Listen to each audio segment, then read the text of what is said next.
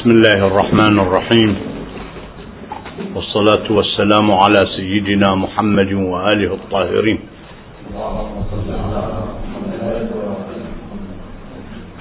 يجول في الفكر المعاصر لدى الشباب سيل من الأسئلة والافتراضات والاستفسارات. تتطلب من خلالها أجيالنا. وضوح الرؤية عن الإمام صاحب الأمر عجل الله تعالى فرجه. الإمام صاحب الأمر هو محمد المهدي ابن الحسن العسكري ابن الإمام علي الهادي ابن الإمام محمد الجواد. ابن الإمام علي الرضا ابن الإمام موسى بن جعفر ابن الإمام جعفر الصادق ابن الإمام محمد الباقر ابن الإمام علي زين العابدين ابن الإمام الحسين سيد الشهداء ابن أمير المؤمنين الإمام علي عليه السلام. هذا النسب الواضح المشرق هو في الذروة الشامخة من أنساب العرب والإنسانية. نسب كأن عليه من رأد الضحى ألقا ومن فلق الصباح عمودا. ولد صاحب الأمر في الخامس عشر من شعبان سنة 255 هجرية. وكان لولادته ظاهرة الإخفاء كما اختفى موسى عليه السلام ومن قبله إبراهيم عليه السلام وهو به من خصائص الأنبياء الشيء الكثير. وفي 260 توفي أبوه الحسن العسكري. استدعى أحد مرافقيه ويسمى أبو الأديان البصري. كتب له رسائل إلى المدائن إلى شيعته في المدائن. قال إنك تأخذ هذه الرسائل والسفر في الوسائل البدائية طبعا. وبعد خمسة عشر يوما تعود إلى سامراء وتجد الواعية في بيت. قال أبو الأديان للإمام فمن الإمام من بعدك. قال من يصلي عليه. قال ثم يعني أراد علامة أخرى. قال من يطالبك بأجوبة الكتب. قال ثم قال من يخبر بما في الهميان لأصحاب الرسائل. يقول سافرت بالمهمة رجعت في اليوم الخامس عشر وإذا بسامراء ترتج وتقول مات ابن الرضا. الإمام الجواد والإمام الهادي والإمام العسكري يسمون بهذه التسمية الشريفة ابن الرضا نظرا للمنزلة العليا التي كان يتحتم آه، يتمتع بها الإمام الرضا باعتباره رضا للعامة والخاصة. يقول ذهبت إلى الدار وجدت الإمام مسجى ثم قدمت الجنازة الشريفة للصلاة عليها وإذا بالناس تحوط بجعفر الكذاب. جعفر أخو الإمام العسكري ونجل الإمام الهادي وعم صاحب عليكم السلام ورحمة الله. وعم صاحب الأمر. يقول وإذا بالناس تعزيه وتهنئه تعزيه بوفاة العسكري وتهنئه بمنصب الإمامة. قلت إذا كان هذا هو الإمام فقد حالت الإمامة يعني تغيرت. لأني كنت أعلم أنه يلعب القمار في الجوسق ولذا لا تبعية في الدين. كانت مودة سلمان لهم رحما ولم يكن بين نوح وابنه رحم هذا ابن الإمام وعم الإمام وأخو الإمام ويسمى بجعفر الكذاب. ادعى المنصب زورا وبهتانا. يقول استدعي للصلاة على الإمام. حينما استدعي ذهب وإذا بغلام خماسي قطط الشعر. تقول الرواية فجبده جبده وجذبه بمعنى واحد. وقال أنا أولى بالصلاة على أبي يا عم. الدولة في أقصى درجات الاستعداد القوات العسكرية مطوقة لسامراء وللأزقة وللشوارع. الخلافة في استعداد وتهيؤ بمنتهى الدقة للقبض على وصي الإمام. أو على ولد الإمام. شلت كل الحركات. ولم يستطع أحد أن يخطو خطوة واحدة. صلى الإمام على أبيه والتفت إلى أبي الأديان. قال يا بصري أين جوابات الكتب؟ قلت هذه علامتان ثم جاء وفد من الأهواز أو من قم ومعه بعض الحقوق الشرعية ورسائل من أصحابها. قدموا على جعفر الكذاب قالوا لها تخبرنا بالرسائل من أصحابها والأموال من الذي أرسلها فنفض رداءه وقال يريدون منا أن نعلم الغيب.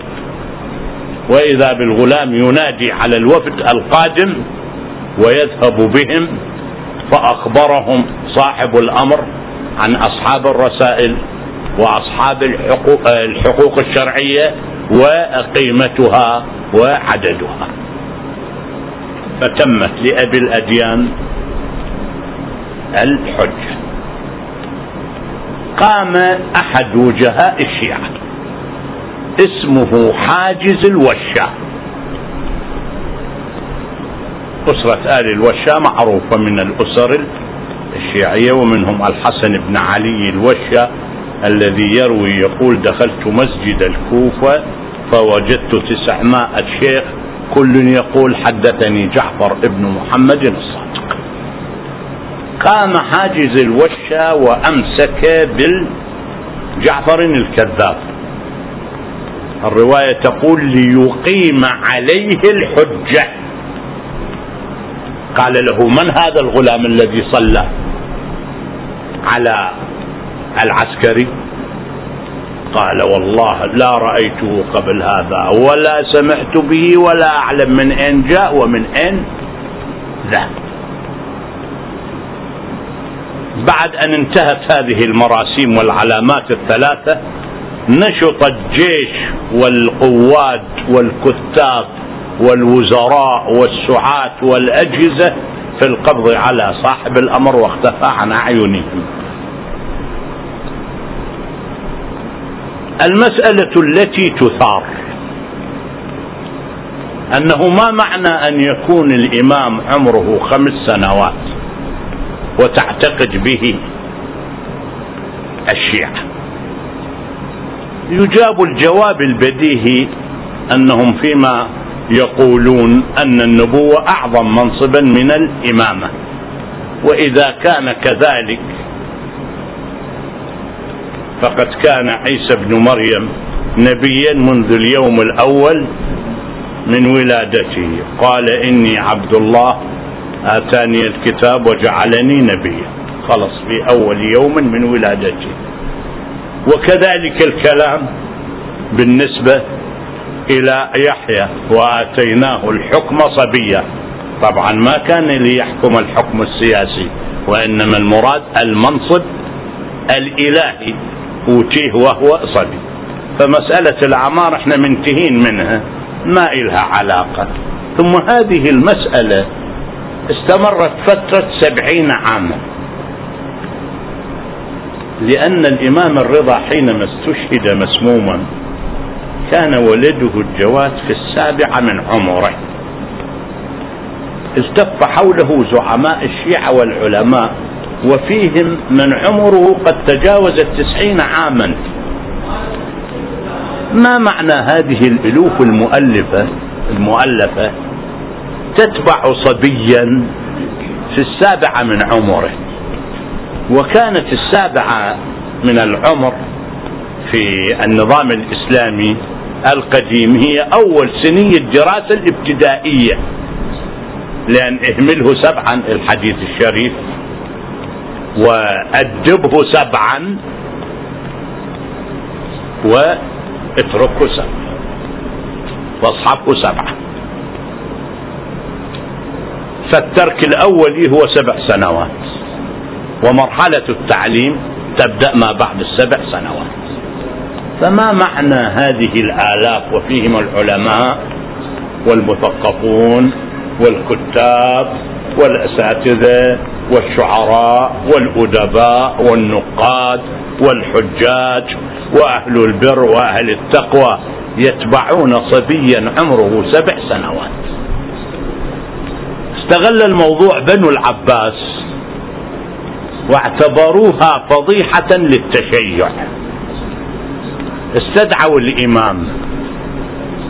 استدعي الإمام فما سئل عن سؤال فتلكع عن إجابته قط. إجماع الروايات أنه سئل الإمام الجواد عن ثلاثين ألف مسألة. طيلة مدة استدعاء المأمون. فما معنى أن يجيب الإمام وهو في هذا العمر؟ إنه يجيب بالعلم اللدني. يقول سبحانه وتعالى بالنسبة إلى صاحب موسى وعلمناه من لدنا علما علم المواريث ورثه عن آبائه وأجداده علم الإلهام الفوري. عندنا رواية تقول متى ما أراد الإمام أن يعلم علم. فهذه القضية ركزت مبدأ التشيع في نفوس المسلمين.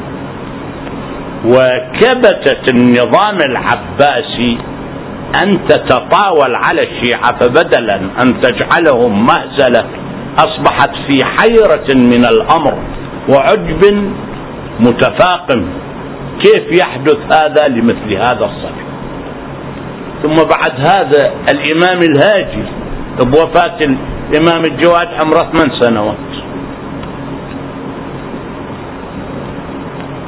فنفس القضية ونفس الأمور جرت ونفس العلم المتصاعد ونفس الأسئلة. ما استراح بنو العباس عجلوا بقتل الجواد لأنه فضحهم والتشيع مدين للإمام الجواد. يعني بسنه هو الذي ركز المبادئ العامة ومبدأ الإمامة. وكذلك بالنسبة للإمام الهادي. وكذلك بالنسبة للإمام العسكري عجل بقتل الإمام الجواد 25 عاما.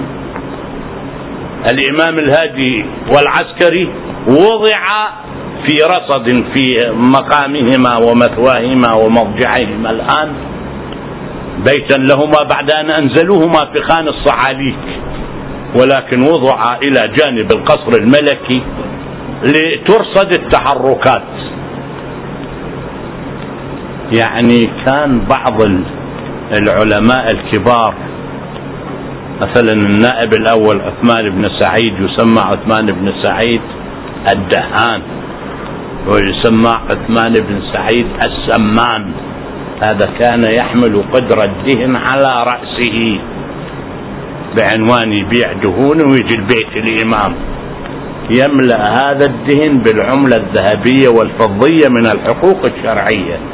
ليسلمها للإمام واللي هو ليس دهانا وليس سمانا ولكنه تظاهر بهذا لغاية عظمى. ومع كل هذا الضغط وكل هذا الرصد وكل هذه المراقبة برز من مجد الأئمة ما ملأ الخافقين بالنسبة لنا قضية مبدئية. الأئمة الاثنى عشر هو الإمام الثاني عشر. الإمام له غيبتان الغيبة الصغرى استمرت 74 عاما والغيبة الكبرى. في الغيبة الصغرى كان له النواب الأربعة السفراء الأربعة عثمان بن سعيد وابنه محمد. ابن عثمان بن سعيد والحسين بن روح النوبختي والسمري علي السمري وكان آخر الأوصياء. يعني آخر السفراء وآخر النواب. وخرج التوقيع على يده أن بدأت الغيبة الكبرى. هنا يخرج التو... يعني بقي الشيعة في حيرة من أمرهم. خرج التوقيع وأما الحوادث النازلة أو الواقعة فارجعوا فيها إلى رواة حديثنا. فإنهم حجة الله عليكم وأنا حجة الله عليهم. ومن هنا بدأت المرجعية. وإلى يومنا هذا وهي منوطة ومحروسة بصاحب الأمر حتى قيامه عجل الله فرجه وسهل فرجه لو كانت هذه القضية كاذبة لا تستمر الكذبة سبعين عاما متواصلة. منذ آه، ولادة الإمام الجواد إلى غيبة الإمام صاحب الأمر. لأن المثل العربي يقول أن حبل الكذب قصير. إذا كيف بهذه الكذبة التي لم تكافح سبعين عاما؟ فلا بد من الفرض الثاني أنها حقيقة واقعة وهي من الصدق بمكان وهذه عقيدتنا ولا نحتاج المزيد إلى الإضافة عليها لأنها من صميم المبدأ. يعني عندنا مبدأ أهل البيت النبوة والنبي أوصى لعلي وعلي نص على الأئمة إلى صاحب الأمر. كل إمام الإمام السابق ينص على الإمام اللاحق. ولا تتصوروا أن مجرد الخوف وتعريض النفس إلى الهلاك وحده هو من أسباب الغيبة. وإنما هنالك الأرضية. يعني يجب أن يكون هنالك تهيؤ للنفوس. تهيؤ من قبل النفوس لاستقبال مبادئ صاحب الزمان الصعبة على النفوس. لو انه الرواية تقول أنه يأتي بكتاب جديد ودين جديد. الكتاب الجديد هو نفس القرآن. ولكن غيرت معالمه ورسومه والعمل به حتى عاد قديما باليا. والدين الجديد هو نفسه الإسلام ولكن الإسلام لا يبقى إلا رسمه. يعني كل تشدق باسم الإسلام والحقيقة ضائعة. هذا لا يمانع من أن هنالك صفوة مختارة في كل جيل وعصر تمهد لقيام الإمام المهدي. هنالك ممهدات الشباب الصالح الجيل المتنور التمسك بالقرآن التمسك بسنة أهل البيت. ولا تعتقد أن العداء لأهل البيت عداء حديث. هو عداء قديم حتى كانت يعني هنالك النواصب.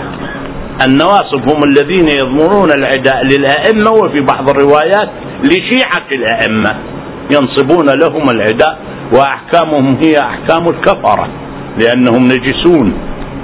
والقضية قديمة منذ اليوم الأول حينما رسب المسلمون في الامتحان الشديد حينما قال الرسول الأعظم صلى الله عليه وآله وسلم آتوني بدوات وكتف أكتب بهما ما لن تظلوا بعدي أبدا. فامتنع القوم. بعضهم قال إن النبي غلبه الوجع وبعضهم قال إن النبي لا يهجر. حتى صحن نساء النبي. أن النبي يطلب دوات بكتف ما هذا؟ فقال أحدهم اسكتن فإن كن صويحبات يوسف. الرواية تقول أن النبي قال إنهن خير منكم. يعني هذن اللي أنتم راضين عليهن إنها أحسن من عندكم. ولذا قال ابن عباس لا رزية كرزية يوم الخميس. لأن النبي طلب الكتابة يوم الخميس ووفاة يوم الاثنين قبل وفاته بأربع خمسة أيام. علموا أن النبي سوف ينص على علي. ومعناه المؤامرة التي حاك خيوطها الأول والثاني وأبو عبيدة بن الجراح وسهيل بن عمرو سوف تتأدم وتتلاشى التي قررتها قيادة قريش وأرستقراطية قريش.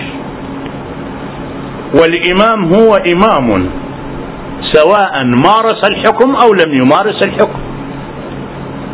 الإمام علي خمسة وعشرين عاما عمل فلاحا خارج المدينة. الإمام الحسن تناول الحكم ستة أشهر. الإمام الحسين خرج مهاجرا مجاهدا في سبيل الله عز وجل. فالمنصب الإلهي سواء تسلم الحكم الإمام أو لم يتسلم فهو الإمام المفترض الطاعة. لا سيما وأننا تسلمنا مجموعة الحاكمين السقيفة وما ولدت الشورى وما خلفت المعارك في صفين والنهروان والجمل حكم بني أمية المستطير حكم بني عباس الشائن حكم السلاجقة المرير حكم العثمانيين حكم المماليك قبل العثمانيين حكم العثمانيين الدول التي نشأت بعد سقوط الخلافة الإسلامية المنتهات في 1925 انتهت وإلى يومك هذا.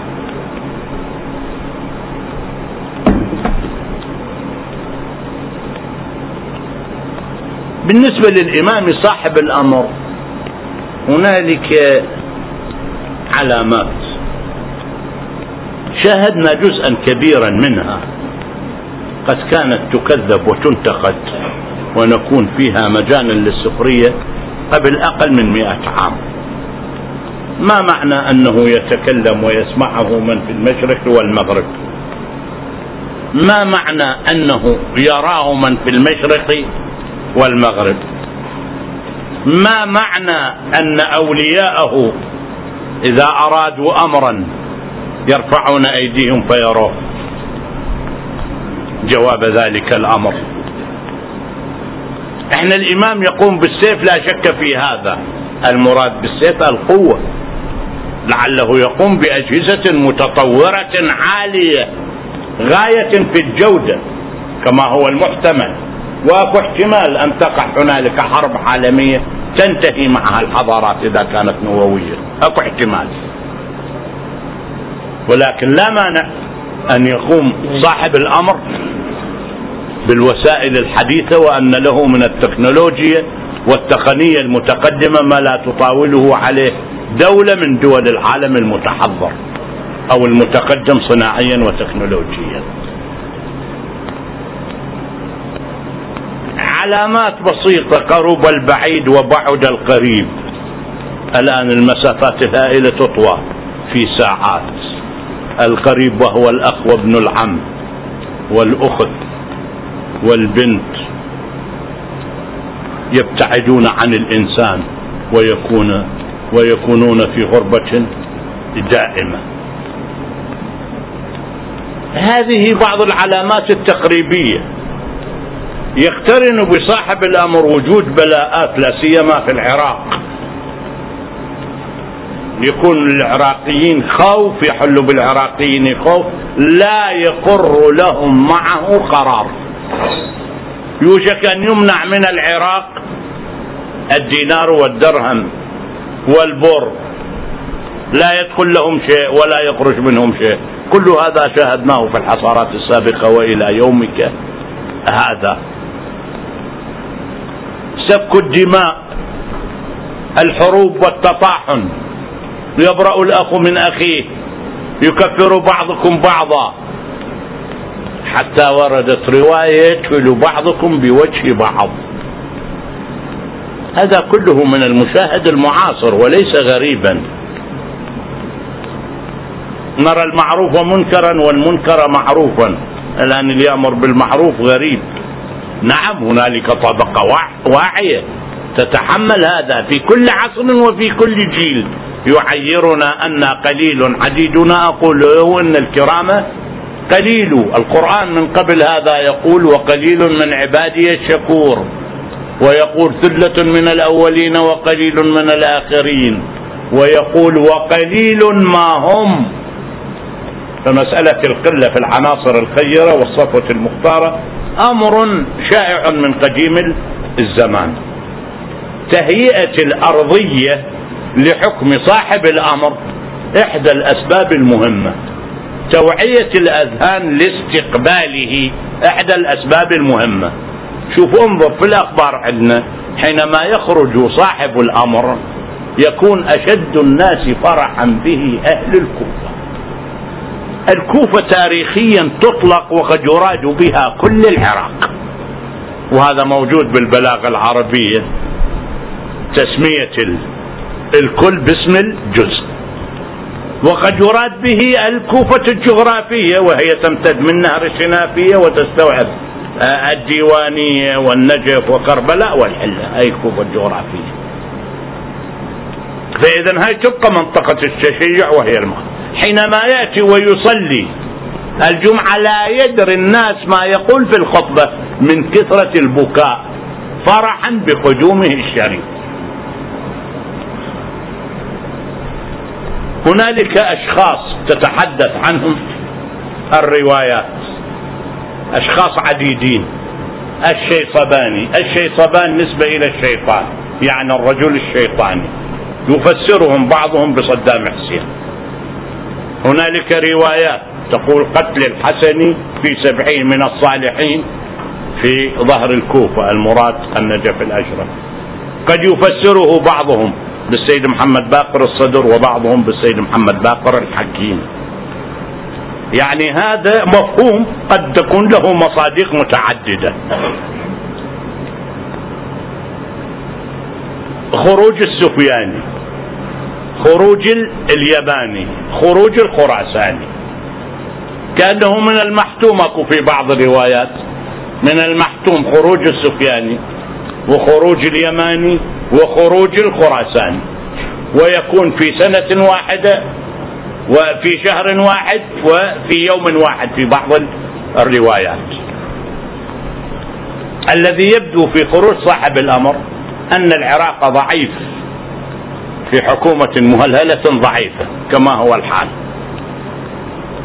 لماذا؟ لأن السفياني يدخل من جهة الشام والخراساني يدخل من جهة إيران. واليماني يدخل من جهة الخليج. وصاحب الأمر يجي يدخل من المدينة المنورة أو من مكة إلى العراق أو الكوفة بالذات.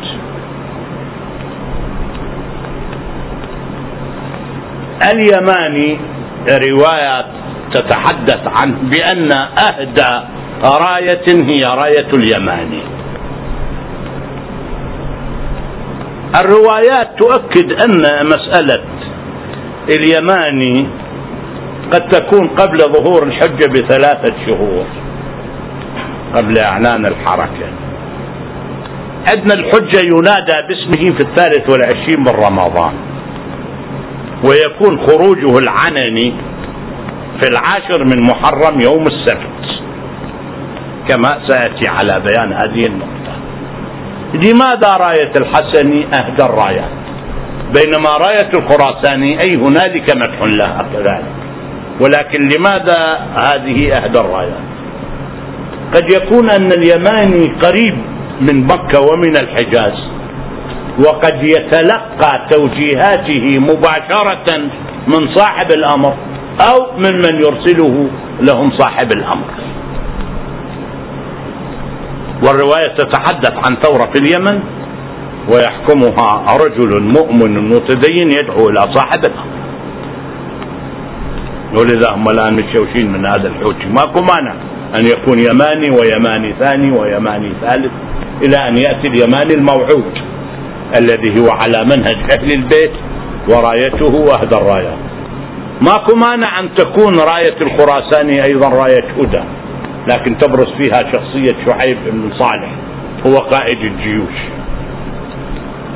وروايات تقول أن صاحب الأمر يختاره أيضا حينما يدخل إلى العراق. وأما السفياني فالروايات تقول بأنه عثمان ابن عنبسة أو عثمان السفياني. وفي بعض الروايات السنية اسمه عبد الله. هذا يخرج في الشام.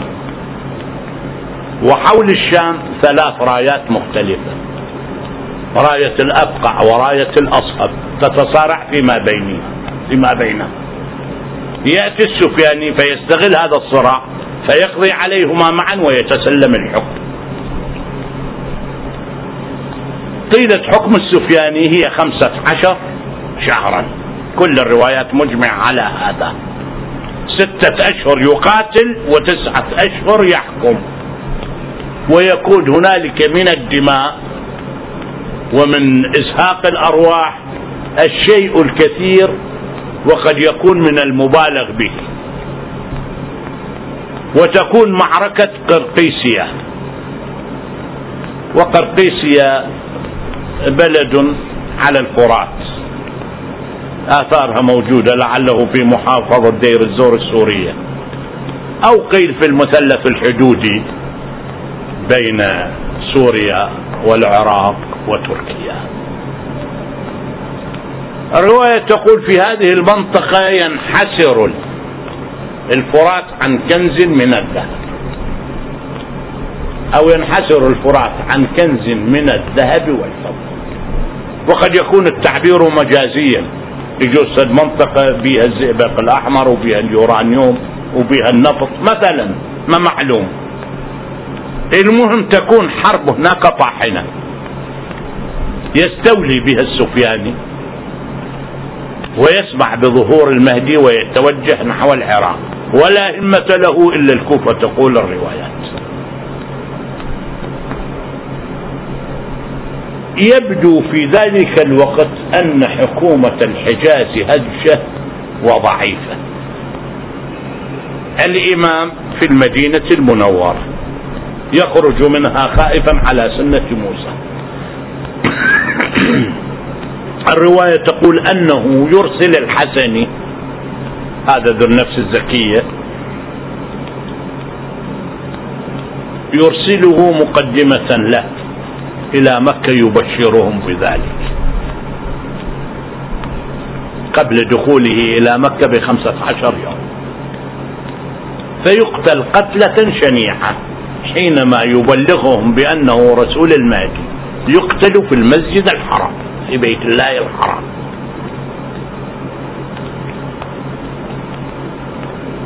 بعد قتل بخمسة عشر يوم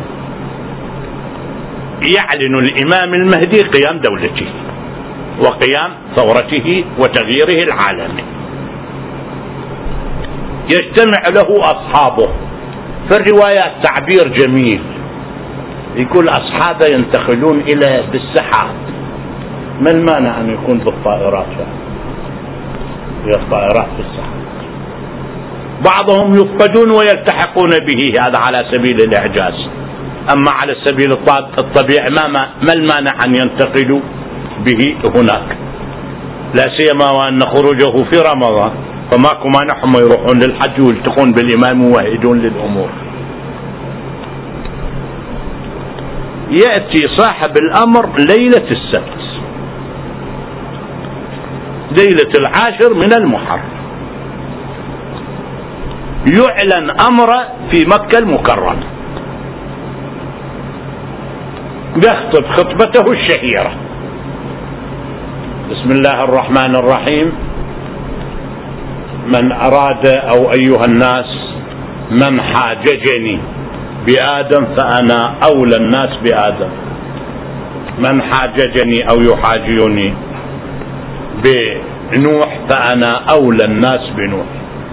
من حاججني بإبراهيم فأنا أولى الناس بإبراهيم. من حاججني بموسى فأنا أولى الناس بموسى. من حاججني بعيسى فأنا أولى الناس بعيسى. من حاججني بمحمد فأنا أولى الناس بمحمد. من حاججني بالقرآن فأنا أولى الناس بالقرآن. فيثور عليه من في المسجد. مسجد الحرام لقتله فيمنعه أصحابه وعدتهم ثلاثمائة وثلاثة عشر. الروايات تقول هذه هي العدة ولكن لا مانع أن يكون هؤلاء هم القوات وأن له أنصارا من اليمنيين والحجازيين والعراقيين والمصريين والسوريين والإيرانيين وموجودين جايين إلى موسم الحج وانتظاره لأن رأسا يوم السبت تسقط مكة بيده ويقتضي أن يكونوا هم على استعداد من تجميع السلاح لأن إسقاط يعني النظام في ليلة وضحاها من الصعوبة بمكان إن لم تكن هنالك استعداد حربي وآلي. دع عنك الملحظ الإعجازي. إذا أراد الله شيئا هيا أسبابه. قوى الاستكبار العالمي أو قوى الدول العظمى تتنادى فيما بينها فيما بينها لمكافحة صاحب الأمر. الحجاز تستنجد بالدول الكبرى. السفياني يمد آه، يمد الحجازيين بجيش لمحاربة صاحب الأمر الجيش ينطلق من العراق كأنما يأتي يتمركز بالكوفة. كثير من الأولياء المؤمنين يختفون ويعيث الآخرين قتلا وفسادا. يأمر القائد في العراق أن يتوجه نحو المدينة المنورة.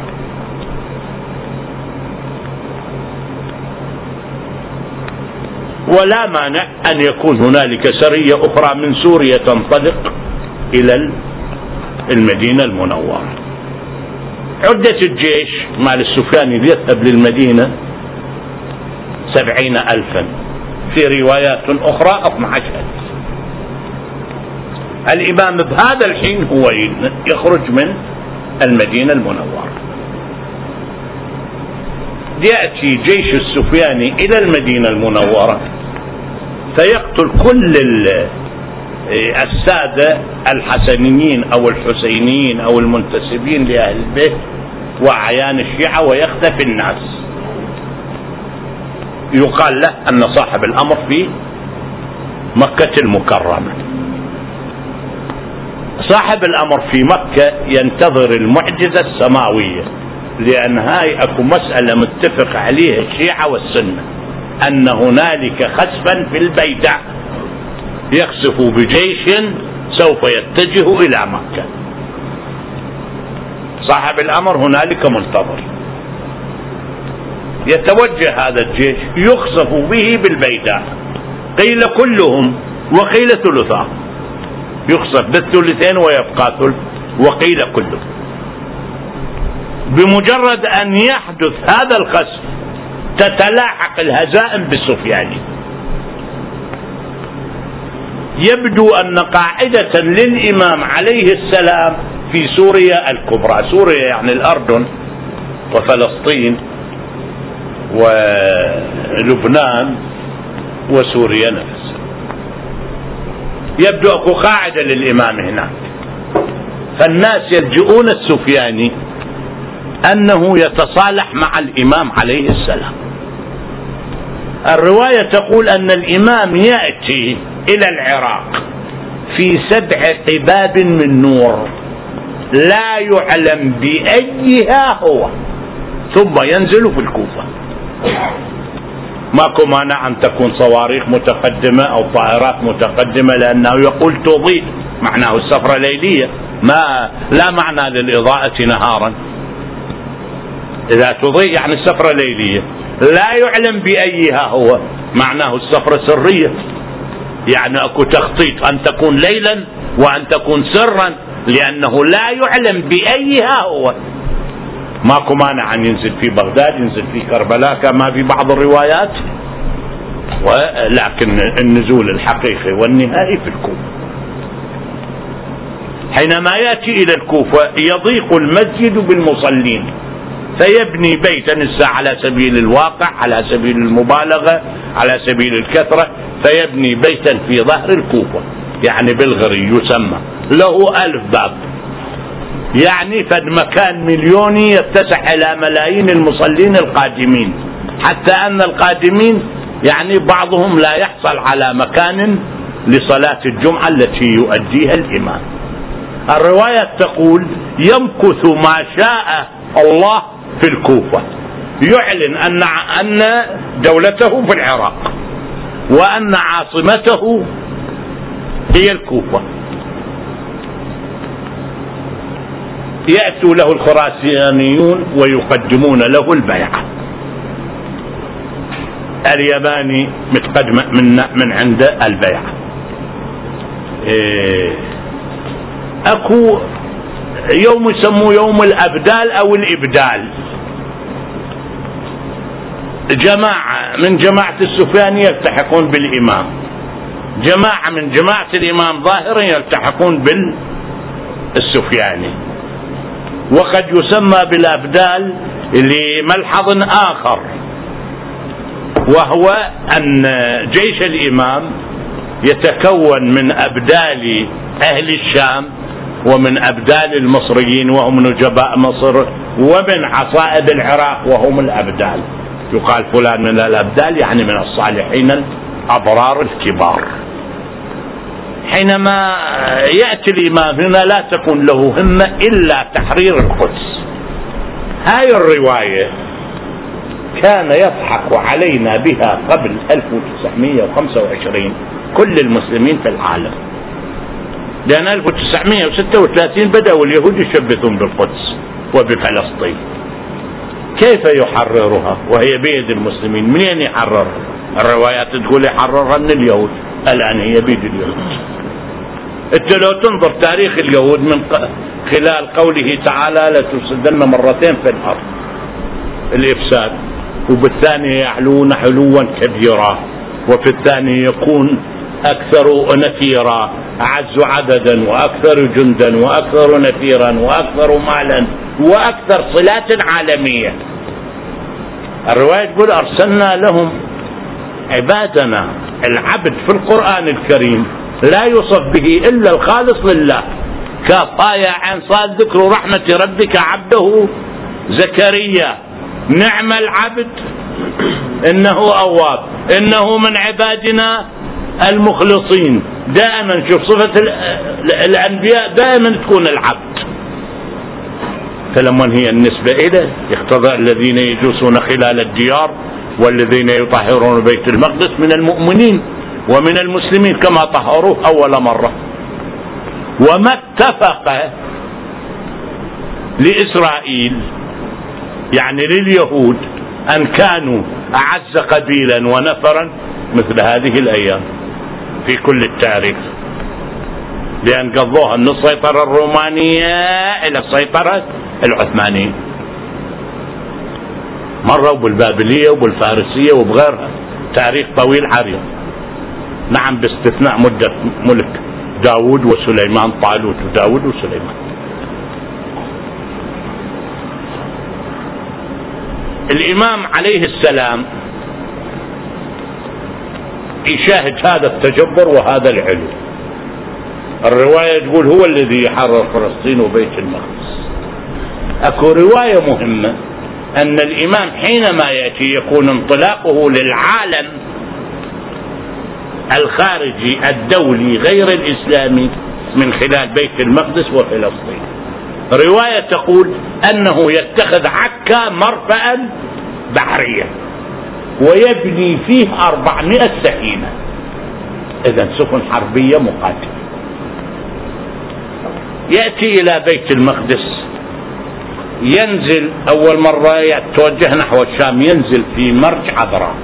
مرج عذراء هو مقر مرقد حجر بن عدي. الآن 30 كيلو متر عن دمشق. السفيان يخرج من الوادي اليابس. الوادي اليابس في محافظة درعا قبل اسمها أذرعات قريبة من الحدود الأردنية. هو يتملك الشامات معناه كل الكور الخمس. حينما يسمع بصاحب الأمر أكو هناك حركة تأييدية جماهيرية في في سوريا الكبرى لصاحب الأمر. حينما يستمع إلى هذا النبأ أن الإمام قدم مرجع. عذراء لا يبقى في دمشق. يسافر إلى الرملة إلى رملة فلسطين. يدخل الإمام فاتحا إلى دمشق ويتوجه إلى القدس وتكون معركة حامية. يعني توصف في التاريخ آه، بأنها تستقطب من أنطاكية إلى بيت المقدس إلى عكا ينتصر المسلمون انتصارا بقيادة الإمام المهدي هناك. ينزل عيسى بن مريم عليه السلام بمعجزة خارقة يعلم كل الناس أن هذا عيسى بن مريم. لأن الآية تقول وإن من أهل الكتاب إلا ليؤمنن به قبل موته ويكون عليهم يوم القيامة شهيدا. العالم المسيحي كله واليهود يعرف أن هذا المسيح عيسى بن مريم. تقام الصلاة في بيت المقدس. الإمام يتعارف مع عيسى للصلاة ويريد تقديمه. عيسى يقول إنما أقيمت الصلاة لك. فيصلي خلفه ويتخذه صاحب الأمر وزيرا. يعني إمامك يتخذ نبي من أنبياء أولي العزم يعني الأنبياء العالمين يتخذه وزيرا. الشعوب الغربية تشوف هذا نبيهم. هذا الآن ويا هذا الرجل؟ يصير أكو انقلاب. لدى الشعوب مع حكوماتهم الجبروتية الطاغوتية. فتميل إلى المهدي هي تريد تتحرك. لنصرة السفياني وفعلا تتحرك. ولكنها تهزم لأن الذين يعاونونه السفياني اليهود والروم. المراد بالروم الغربيين يعني. مو بالضرورة أهل روما. ولا بالضرورة أهل القسطنطينية ولا بالضرورة خلفاء المملكة الرومانية. لا. إذا أطلقت فهو المراد به الغربيين بما فيهم العالم الجديد أمريكا. يهزمون شر هزيمة بمعركة القدس. يكون صاحب الأمر بعقد مدة تستمر سبع سنين وفي روايات عشر سنين مع الأوروبيين. يبدو من الروايات أن عيسى بن مريم يشارك في إرساء بنود هذه الهدنة. حين ذاك يغدر بعد سنتين الغربيون بقرار الهدنة. بعد شوف الروايات تتحدث؟ إيش تنطلق أشياء على أمريكا وتهدم كل مصانعها وترتيباتها وأوضاعها وإنجلترا وفرنسا وأرمانيا ويسود. الإسلام العالم. لأن عيسى ابن مريم دائما يكون موفد لصاحب الأمر إلى الدول الأوروبية. قطعا الهدنة وقضاياها وجلب الأوروبيين كلها تصير ببسطة عيسى ابن مريم بحيث لا يشك أحد من أهل الكتاب يعني كلاهما المسيحيون واليهود لا يشك أحد أن هذا عيسى ابن مريم. بس شنو الكيفية؟ المعجزة ببركات صاحب الزمان ما نعرف الموضوع. هذا كل ما أقول أن القرآن يتحدث به. وإن من أهل الكتاب إلا ليؤمنن به قبل موته. ما به حين ذاك تبدأ حرب كونية يسيطر فيها صاحب الأمر على العالم ويتخذ الكوفة عاصمة له. جعلنا الله من أنصاره. الأنصار ليس شرطا أن نكون معهم وإنما الانتظار والدعاء بالفرج هو من العمل لأن يكون الإنسان مشاركا لهم في أعمالهم. جابر بن عبد الله الأنصاري حينما زار الحسين في زيارة الأربعين المخصوصة يقول أشهد أننا شاركناه قال لعطية جحفة شلون شاركتهم عطية العوف. القوم فصل بين أعناقهم والأجساد. قال رضينا بعملهم فنحن مشاركون لهم. فكذلك انتظارنا هو مشاركة في نصرة صاحب الأمر. بقيت قضية مسألة متى الخروج؟ هذه قضية توقيتية ولا توقيت لدينا. الأمر بيد الله عز وجل.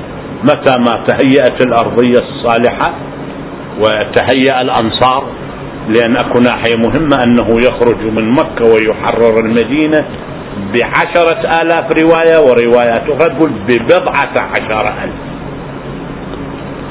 ومن هناك يأتي بمواكبه إلى الكوفة.